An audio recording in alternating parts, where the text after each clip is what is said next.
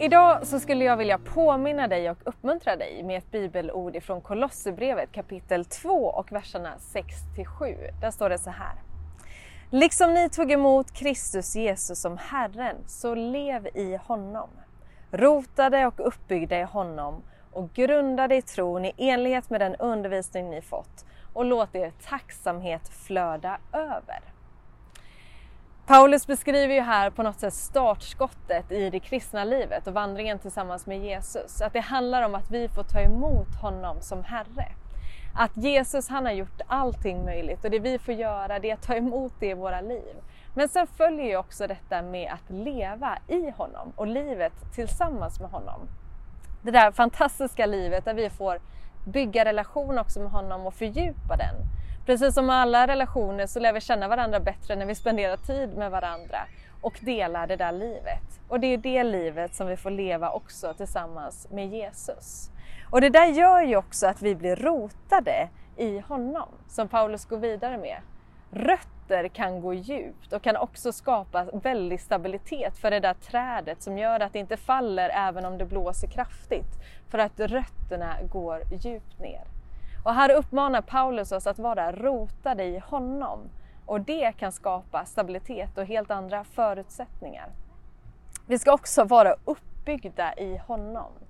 En relation med Jesus och ett liv tillsammans med honom, det är någonting som bygger upp. Det är inte någonting som bryter ner eller skapar negativa konsekvenser i våra liv, utan tvärtom så är det ett liv som får bygga upp oss och som får uppmuntra oss och göra det stadigt i våra liv.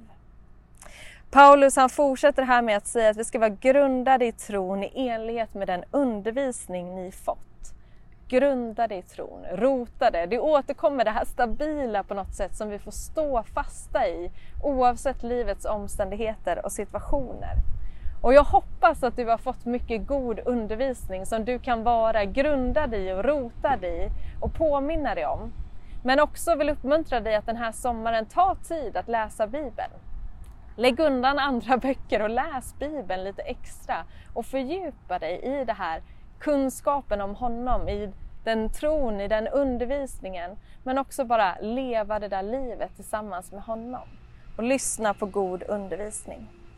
Paulus han avslutar det här sammanhanget med att också uppmuntra till tacksamhet. Och det där är ju någonting väldigt vackert, att få påminna sig om vad är jag tacksam för? Oavsett hur livet ser ut på något vis, att faktiskt se det där som jag har, som är positivt, som jag kan vara tacksam för och också uttrycka det till Gud. Det kan förändra omständigheter eller i alla fall perspektiven på mina omständigheter när jag påminner mig om vad jag är tacksam för. Men här säger Paulus till och med att vi kan låta vår tacksamhet flöda över. Att det här kan vara någonting som faktiskt får något att flöda över. Och kanske är det just rotat i det där som vi har fått ta emot från honom. Att han får vara Herre i våra liv. Att det skapar konsekvenser. Att vi får vara rotade i honom, uppbyggda i honom. Att leva tillsammans med honom. Och att det där också kan få forma en tacksamhet i våra liv, en riktning, en tacksamhet som till och med kan få flöda över. Vi ber Herrens välsignelse tillsammans. Herren välsigne oss och bevara oss. Herren låter sitt ansikte lysa över oss och vara oss nådig.